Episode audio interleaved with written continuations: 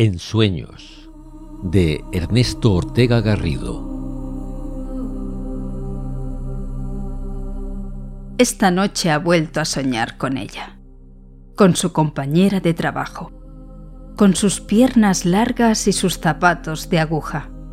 con su coño rasurado y su sonrisa de azafata de televisión. Sueña que hacen el amor con ternura desmedida, pero cuando va a abrazarla, se le escurre entre los dedos para vestirse apresuradamente y como una cenicienta cualquiera perder un zapato que en ese mismo momento en otro punto de la ciudad anda buscando como una desesperada por toda la casa, debajo de la cama, en las cajoneras de los armarios, pensando que vaya casualidad que no encuentre precisamente ese, mientras se decide por otros y termina de maquillarse y vestir a los niños que dejará con premura en el colegio,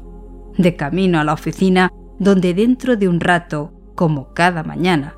se hará la encontradiza y le contará banalidades, sin atreverse a confesarle, hoy tampoco, que ha vuelto a soñar con él.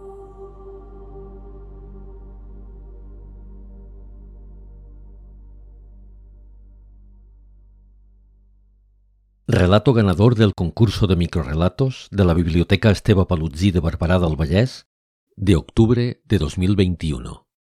Grabación en veu alta.